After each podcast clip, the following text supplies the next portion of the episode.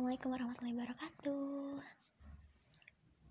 Saya Anggit Rahmatia Pratami dari kelompok Gojek akan mereview materi yang berjudul Kecerdasan Spiritual dan Emosional yang telah disampaikan oleh Kang Faisal Muhammad SPD Apa itu kecerdasan?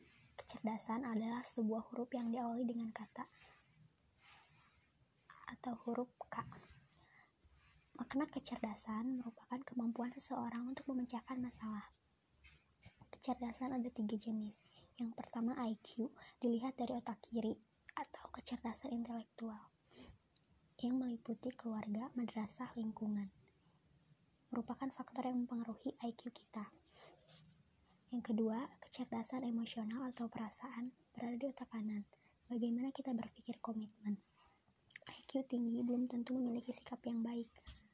Wilayah kecerdasan emosi, merasakan, memahami, menyampaikan, dan mengelola. Faktor yang mempengaruhi IQ.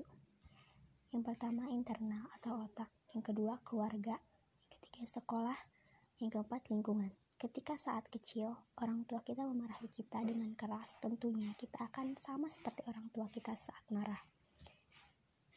SQ, kecerdasan tertinggi atau spiritual. Kecerdasan spiritual yaitu keimanan. Faktor yang mempengaruhi kecerdasan spiritual. Yang pertama, sel saraf otak. Yang kedua, good spot.